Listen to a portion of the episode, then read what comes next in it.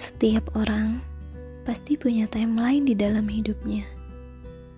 Titik-titik pada timeline ini mewakili peristiwa penting yang akan selalu ada di dalam memori. Sekeras apa pun menolaknya, kita nggak akan pernah bisa menghapusnya. Kadang, pilihan terbaik hanyalah menerima.